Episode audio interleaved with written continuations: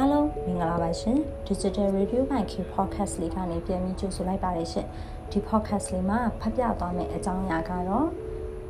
မနက်ဖြန်ဇူလိုင်လ19ရက်နေ့တွင်ကြာရောက်မည်ဖြစ်သောမြန်မာနိုင်ငံ၏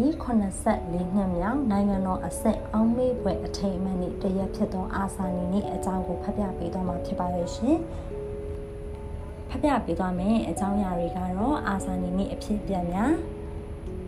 ဇာပနာအခမ်းအနားနှင့်အာဆာနီနှင့်ဂုံပြုကြပြများအကြောင်းကိုဖတ်ပြပေးသွားမှာပဲဖြစ်ပါတယ်ရှင်။မနက်ဖြန်မြန်မာစံတော်ချိန်10:38မိနစ်မှာကြာဆုံးနေပြီဖြစ်သောအာဆာနီခေါင်းဆောင်ကြီးများကို အောင်မီလျက်ဥညွတ်ကာဝရပြုကြဖို့ဒီနေရာကနေတိုက်တွန်းချင်ပါတယ်။အာဆာနီနေ 1948ခုနှစ်ဇူလိုင်လ19ရက်နေ့တွင်မြန်မာနိုင်ငံရန်ကုန်မြို့တွင်ဗိုလ်ချုပ်အောင်ဆန်းအပါအဝင်နိုင်ငံရေးတွင်အလွန်အရေးပါသောခေါင်းဆောင်ကြီး၈ဦးနှင့်တကွကိုရန်တော်တအူးလှုပ်ကြံခြင်းခံခဲ့ရပြီးကြဆုံးသည့်နေ့ကိုအာဇာနည်နေ့ဟုသတ်မှတ်ကကျင်းပခဲ့ခြင်းဖြစ်သည်ထိုနေ့တွင်အစိုးရရုံးများဈေးဆိုင်များကိုပိတ်၍နိုင်ငံတော်အလှန်ကိုတိုင်တဝက်၌ပြင်ထူကြလေသည်အဖြစ်ပြများ 1948ခုနှစ်မြန်မာစံတော်ချိန်10:38မိနစ်တွင်ရန်ကုန်မြို့လေရှိဝင်ကြီးများရုံ၌အစည်းအဝေးပွဲကျင်းပနေခြင်းဖြစ်သည့်အင်္ဂလိပ်ခေတ်မျိုးဆောင်တက်အမှတ်7နှင့်တနက်ကင်တက်ရင်ဤအမှတ်တစိတ်ကိုတက်ဆင်ထားသောစစ်ယူနီဖောင်းအပြည့်အစုံဝတ်ဆင်ထားသောလူတစုသည်ဝင်ကြီးများရုံအတွင်းဝင်ရောက်၍ဗမာလွတ်လပ်ရေးခေါင်းဆောင်အရှုအားပြစ်ခတ်လုပ်ကြံခဲ့ကြသည်၎င်းနိုင်ငံတော်လှုပ်ကြံမှုကြီးအား နေချက်လက်ပါစီအတိုက်အခမ်းနိုင်ငံရေးအဖွဲ့အစည်းတစ်ခုမှကြိုတင်စီစဉ်ထားခြင်းဖြစ်ပြီး၎င်းအဖွဲ့အားခေါင်းဆောင်ကြိုးကင်ထားသူအဖြစ်ဂလုံဦးစောအားဆွဆွဲခဲ့ကြသည်ထို့နောက်ဂလုံဦးစောနှင့်အပေါင်းအပါများအားဦးကျော်မြင့်ဦးအောင်သာကျော်နှင့်ဦးစီဘူးတို့ပါဝင်သောအထူးခုံရုံးမှအချိန်ယူစစ်ဆေးပြီးပြစ်မှုထင်ရှားသဖြင့်1948ခုနှစ်ဒီဇင်ဘာလ30ရက်နေ့တွင်တည်တံစီရင်ချက်ရှာမှတ်ခဲ့သည် တရခန်များကအစင်စစ်အယူခံဝင်ခဲ့တော်လဲနောက်ဆုံးအယူခံလွှာကို1948ခုဧပြီလ28ရက်နေ့တွင်တရားလွှတ်တော်ချုပ်မှပယ်ရှားလိုက်သည်ထို့နောက်တမရထံတနာခံလောတင်သွင်းခဲ့ပြန်ရာခင်မောင်ရင်ဒုက္ခနှင့်မောင်နီတို့အပေါ်တွင်ရှာမှတ်ထားသောတည်ရန်အမိန့်ကိုပယ်ဖြတ်ပြီး တသက်တကြွထောင်နှံသို့လွှဲပြောင်းပေးခဲ့သည်ကျန်တရခဏများဖြစ်သောဂလုံးဦးစောတက်နှင့်မောင်စိုးနှင့်မှုန်ကြီးတို့အားအင်းစိန်အကျဉ်းထောင်တွင်၎င်းစိန်ကြီးနှင့်ရန်ကြီးအောင်တို့အားရန်ကုန်အကျဉ်းထောင်ယခုရန်ကုန်အထွေထွေယောဂကုစေယုံနေရာတွင်၎င်း1948ခုမေလ10ရက်နေ့အာယုံတက်ရှိန်9နာရီခွဲတွင်တရှိန်နဲ့ကျူးရန်စီရင်ခဲ့သည်တရားလွှတ်တော်ကျုံနှင့် အထူးခုံရုံးမှအတိုက်အခံများ၏အယူခံများအားလုံးသည်အင်္ဂလိပ်ဘာသာဖြင့်ရေးသားဖော်ပြခဲ့ကြသည်အတိုက်ခံတို့၏အယူခံအားဒေါက်တာမောင်မောင်ရေးသားသည့်နိုင်ငံတော်လုံခြုံမှုတွင်ဖတ်ရှုနိုင်ပြီး1948ခုနှစ်ဥပဒေမှတ်တမ်းများတွင်လည်းအထူးခုံရုံးနှင့်တရားလွှတ်တော်ချုပ်တို့၏အယူခံကိုဖတ်ရှုနိုင်သည်လုံခြုံခံခဲ့ရသူများမှာဦးအောင်ဆန်းဝင်ကြီးချုပ်ဥပါရှိုပြန်ကြားရေးဌာနဝင်ကြီး မန်ဘာခိုင်အလုသမားရေးရာဌာနဝင်ကြီးဥပဝင်စီးပွားရေးနှင့်ထောက်ပံ့ရေးဌာနဝင်ကြီးတခင်မြပြည်ထရေးဌာနဝင်ကြီးဦးအဘဂျူရာဇက်ပညာရေးနှင့်အမျိုးသားစီမံကိန်းဌာနဝင်ကြီးစစ်စံထွန်နေကြားဒေတာများဆိုင်ရာဌာနဝင်ကြီးဦးအောင်မောင်တည်ယူပို့ဆောင်ရေးနှင့်လမ်းပန်းဆက်သွယ်ရေးဌာနအတွင်းဝင်နှင့်ရဲဘော်ကိုထွေဦးအဘဂျူရာဇက်တို့၏တက်တော်ဆောင်တို့ပဲဖြစ်ကြသည် ဗန္နာရေးဝင်ကြီးဦးတင်ထွတ်သည်ထိုစဉ်ကအပြင်းအထန်ဒဏ်ရာရရှိခဲ့တော်လဲအသက်ရှင်ကျန်ရစ်ခဲ့သည်မြန်မာလူမျိုးအများစုမှာ၎င်းတို့ကြံမှုတွင်ဗြိတိရှားတို့သည်တနည်းသို့မဟုတ်အရှာနီတစ်ခုခုဖြင့်ပါဝင်ပတ်သက်နေသည်ဟုယုံကြည်နေကြသည့်အဘဲဆောင်ဆိုသောဗြိတိရှဝန်ထမ်းနှစ်ဦးဖမ်းဆီးစစ်ဆေးခံရပြီးနောက်တဦးသည်ဦးစောဤကိုယ်စားလှယ်အဖြစ်လောက်ကျမှုတွင်ထောက်ပံ့မှုနှင့်လုံလောက်သောစစ်သုံးကရိယာများအား အဖွဲ့အစည်းအသေးအတွက်တက်ဆင်ပေးမှုဖြင့်တရားစွဲဆိုခြင်းခံခဲ့ရသည့်၎င်းစစ်သုံးလက်နက်ကရိယာများအားဦးစောဤအိမ်ဘေးရှိကံတွင်တိခတ်မှုဖြစ်ပွားပြီးချက်ချင်းပြန်လည်သိမ်းဆီးရရှိခဲ့သည်ဗိုလ်ချုပ်တို့လုံခြံခံရသည့်နေ့ညနေပိုင်းမှာပင်ထိုလုံခြံမှု၏တရားခံများဖြစ်သောဦးစောနှင့်အပေါင်းအပါများအားဗိုလ်ချုပ်အောင်ဆန်းကိုယ်တိုင်ဖွဲ့စည်းပေးထားသောတောင်ချမ်းမှုနှိမ်နင်းရေးတပ်တတက်ရင်အမှတ်တက်မှတက်ခွဲမှု ဘိုသိန်းဟန်နှင့်ရဲဘော်များသည်မယန်ကုန်းမြို့နယ်အေဒီလန်ယခုမိခလန်အမှတ်လေးရှိဦးစောအိမ်တို့ဝိုင်းပြီးအိမ်တွင်အိမ်ပြင်ရှာဖွေဖန်စီကစုံတော့ Inspector Mr. Jet ခေါင်းဆောင်သောရဲအဖွဲ့လက်သို့အပ်ခဲ့သည်၎င်းနိုင်ငံတော်လုံခြုံမှုကြီးပြီးနောက်များမကြာမီအချိန်တွင်မြန်မာပြည်ဗြိတိရှဘရင်ခံချုပ်စာဟာဗတ် ရန်စ်သည်ဦးမှုကောင်းဆောင်သည့်ဂျားဖြတ်အစိုးရအဖွဲ့အားအာဏာလွှဲပြောင်းပေးခဲ့ပြီးချိန်1948ခုနှစ်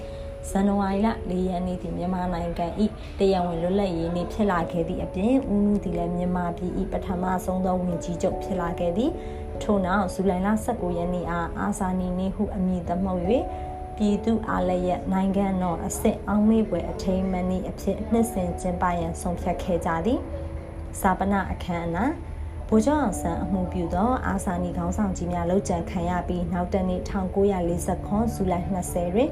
ရန်ကုန်မြို့စူးလေဖျားအနီးရှိ5 square ယခုမဟာဗန္ဓုလပန်းချန်၌နိုင်ငံတော်ဇာပနာဗဟိုကော်မတီဝင်ဗမာနိုင်ငံလုံးဆိုင်ရာចောင်းသားများတမကဥက္ကဋ္ဌရန်ကုန်ခရိုင်ចောင်းသားများတမကဥက္ကဋ္ဌတက္ကသိုလ်ចောင်းသားများတမက ဒုတိယဥက္ကဋ္ဌနှင့်မြန်မာចောင်းသားများတမကဥက္ကဋ္ဌမြို့မှဦးတန်းကျွယ်သည်ចောင်းသားနှင့်ပြည်သူတသိန်းကိုဦးဆောင်ပြီးလူသက်ဝါဒရှုပ်ချပွဲကိုစတင်ဦးဆောင်ကျင်းပခဲ့သည်ထိုနေ့သည်မြန်မာနိုင်ငံ၏ပထမဦးဆုံးအာဇာနည်နေ့အခမ်းအနားဖြစ်သည့်1948ခုနှစ်ဇူလိုင်လ19ရက်နေ့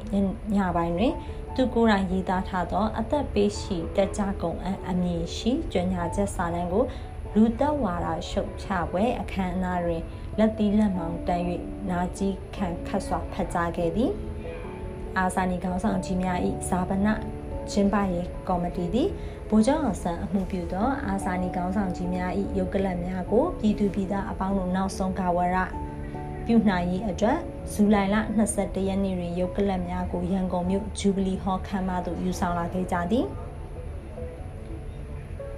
ဂျူဘလီဟော်ခမ်းမဆောင်ကြီးများ၏တိုင်လုံးများအထက်မြင့်တဲ့ကျက်နှင့်နေရများတွင်ရွှေရောင်ယူရီးယားပန်းကတ်များဖြင့်ဆင်ရင်ထားသည်စင်မြင့်ဤအထက်တွင်ဘူကျောင်းအောင်ဆန်းဤလွတ်လပ်ရေးရရှိရန်ကြိုးပမ်းဆောင်ရွက်နေပုံပကြီးကဖာစာပါလာဤအလံတော်အောက်တွင်ကရှင်ကရင်ကရားရှင်းမွန်ဗမာရခိုင်ရှမ်းတိုင်းရင်းသားဘောင်းဆောင်တို့ဤစီယုံမှုပကြီးကားကြီးများကိုရှိတ်ဆွဲထားသည် ထိုပကြီးကားချက်ကြီးများရှေတွင်ဖာစာပါလာအလံတော်ကြီးနှစ်ခုကိုအလျားလိုက်ရှာထားသည်ဂျူဘလီဟော်ခမ်းမ၏စင်မြင့်ရှိ၌ရှိသောအခမ်းများအနက်ရှေ့ဆုံးမှအခမ်းသုံးခန်းတွင် အာဆာနီခေါင်းဆောင်ကြီးများ၏ရုပ်ကလပ်များကိုကာဝရပြုခံရန်စီစဉ်နေရရှာထားသည့်ကြံသောအခန်းနှခန်းကိုပရိသတ်များကာဝရပြုကန်းအဖြစ်သတ်မှတ်စီမံထားသည်စင်မြင့်ဤရှေးဆုံးအလဲတက်တဲ့တွင်ဘူချုံအောင်ဆန်း၏ရုပ်ကလပ်ကိုရွှေရှာထားသော မှန်ကောင်းဖြင့်ရွှေရှာထားသောတလွန်ထ၌တင်ထားပြီးထီးပြူနှလက်မိုးထားသည်နောက်ဖက်ရှေးရင်တွင် အာဆာနီခေါင်းဆောင်ကြီး၅ဦးဖြစ်သောဥပါရှိုဥပဝင်သခင်များမန်ဘခိုင်ဥရာဇတ်တို့၏ယောကလတ်များကို ပြင်ဆင်ထားရှိ၍ထီးဖြူတလက်စီမူထားသည့်စင်မြင့်၏လက်ရဘက်တွင် အတွင်းဝင် ICS ဦးအောင်မောင်နှင့်တတ်တော်ဆောင်မောင်ထွေတို့၏ယောကလတ်ကိုထီးဖြူတလက်စီမူပေးထားသည် စင်မြင့်၏လက်ဝဲဘက်တွင်မိုင်းပွန်ဇော်ဝါကြီး၏ယောကလတ်ကိုဇော်ဝါကြီး၏အဆောင်အယောင်နှင့်အညီတန်လျင်ပေါ်၌တလွန်တင်၍ထီးပြများမူထားသည်ဇာပနာကော်မတီသည်ဘူကျွန်းအောင်ဆန်းနှင့်အာစာနီခေါင်းဆောင်ကြီးများ၏ရုပ်ကလပ်ကိုဂျူဘလီဟောခမ်းမကြီးတွင်ရှောက်လထားရှိပြီးပြည်သူလူထုအပေါင်း၏ဂါဝရပြုခံယူရန်စီစဉ်ခဲ့သည့်1948ခုနှစ်ဧပြီလ 17ရက်နေ့တွင်နိုင်ငံတော်ဇာပနာအဖြစ်အာစာနီကုန်းသို့ပို့ဆောင်ကူးသွင်းခဲ့သည်အာဇာနီနိဂုံပြုကြဗျာအောင်ဆန်းစာနီဖေဖော်ဝါရီ23မှာဘူချုံမွေးနေ့ပါ1915ရှေ့နေဥဖာသာဇာတိနမောက်မကွေးခရိုင်တိကြများခုတိုင်ကြံကြံခိုင်လိုဇာနီပွားမိခင်တော်စုသား1940ခွန်ပြောင်းကြွတမလွန် မျက်ရည်သွန်းလို့ဘဝင်းညိုဇူလိုင်19ပြည်တော်စုရဲ့ကျေးဇူးရှင်ဘိုးချုပ်ဒုဖခင်ကောင်းစီခြင်းနဲ့မှာစကားငါတို့မမေ့အားအာစာနီဗိမ္မာန်နီကအလွန်ကောင်းစွာကဘာတီနီအာစာနီဗိမ္မာန်ပထိုးကိုဖြစ်ပါရမီဒိဋ္ဌံတမျိုးရဲ့နှင့်ရှင်ခိုးကဆရာကတော့ချင်းရဲ့မြန်မာမတော့ပူစရာမှုဒဗျူဟာအောင်ခမန်းတွင်မှ လူမှတ်တမအမှောင်တန်းချိန်မှုတောင်ကမ်းမှုစီက ဖောင်နှန်းကရိုတို့နှင့်အကြီးတကုံဒီဟုသော ရေစုံမျောလီရဲ့အော်တောင်နှမ်းမြောင်နှမ်းအဆောင်ဆောင်ကြငန်းနဲ့အခေါင်မမြန်ရခင်က အောင်ပန်းညှိုးရရှာတဲ့အောင်ဆန်းတို့တေပုံနှမျော